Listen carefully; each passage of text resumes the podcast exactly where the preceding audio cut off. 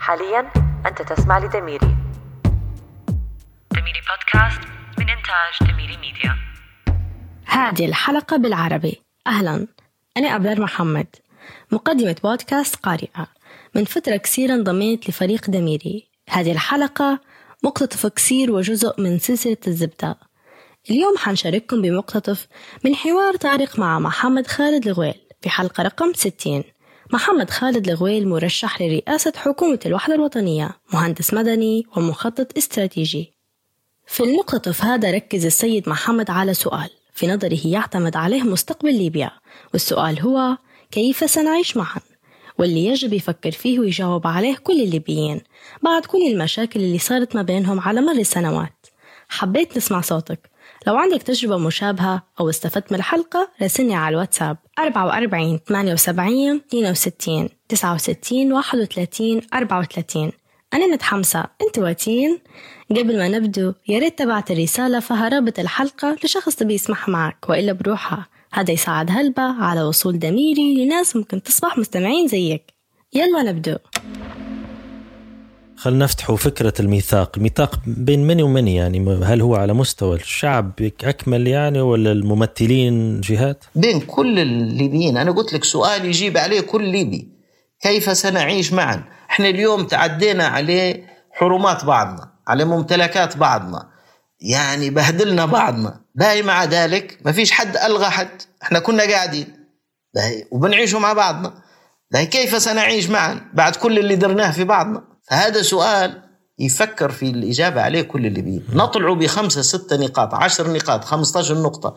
أساسية نتفق عليها جميعا هو هذا الميثاق الوطني اللي بنبنوا عليه دولة المستقبل المشترك لكل الليبيين أنا أنا بنسألك أستاذ خالد في نفس صلب الموضوع مش للإحباط الفكرة هذه لأنها فكرة عجبتني وأول مرة يعني نعيش معها يعني نفكر في هذا السؤال فعليا. أنت كنت مشارك في في كثير من مواضيع لها علاقة بالمصالحة في حد ذاتها أو ملم بها. شنو اللي خلى السؤال هذا لا لا يجاب عليه علاش ما ما وصلناش لحل السؤال هذا في في الحوارات كلها اللي صارت السنوات هذه كلها؟ في جهود كبيرة بذلت في السنوات الماضية في هذا الاتجاه وفيه منظمات مجتمع مدني اشتغلت بكفاءة يعني. وفي اللي أنتجت عقد اجتماعي سموه هم العقد الاجتماعي تقدر تسميه ميثاق وطني وساهمت أنا معاهم فيه وآخرين كثيرين ساهموا فيه بالآلاف من كل ليبيا. أه وكثير من المنظمات اشتغلت على هذا الموضوع. فهذا اللي نقدر نسموه ميثاق وطني اشتغلوا عليه الليبيين ومنظمات المجتمع المدني بشكل مكثف. وهذا ممكن حتى كان جاهز وكان بيعرض في مؤتمر قدامس اللي لم يعقد. بسبب الحرب اللي نشبت على طرابلس. الهجوم كان بودي بأن يطلع في خارطة الطريق لكن يبدو بأن الحاضرين ما ما رأوش ذلك أو لم يعرض عليهم ذلك أو لم ينبهوا إلى ذلك الله أعلم. لكن على أي حال هو سيكون في أي مشروع وطني نحو المستقبل في بدايته ميثاق. والدرس الثاني اللي قلت لك هو بأن لازم نلقوا نموذج مختلف لإدارة عوائد النفط نتفق عليه جميعا. النموذج الحالي الذي الذي أديرت به عوائد النفط بأن الدولة تملك المورد والدولة تدير المورد من خلال ما تشرعه لنفسها من طرق الإدارة هذا نموذج أدى إلى ترسيخ الريع في ليبيا وإلى ترسيخ المركزية وأنتج ثقافة سلبية وانتهاء إلى انفجار اجتماعي عبر عنه في 2011 وما زال مستمر توابع الزلزال. إذا لابد مش نطلع من حالة الصراع هذه لابد من معالجة أسباب الصراع. هذا أحد أسباب الصراع الرئيسية. نموذج إدارة عوائد النفط كلمة توزيع الثروة غلط لأن التوزيع هي كلمة ريعية واحد بيعطي واحد بيأخذ.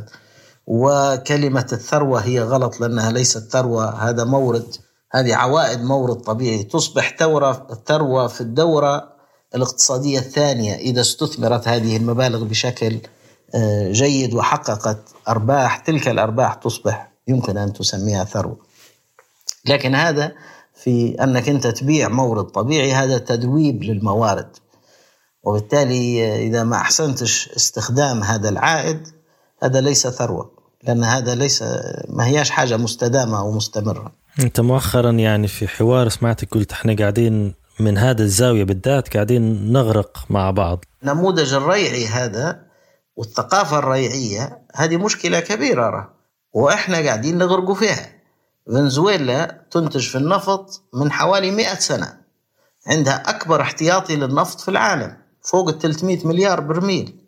تنتج في أكثر من 3 مليون برميل في النفط في اليوم. شعبها يهرب إلى كولومبيا باش ياكل يعني في مأساة حقيقية.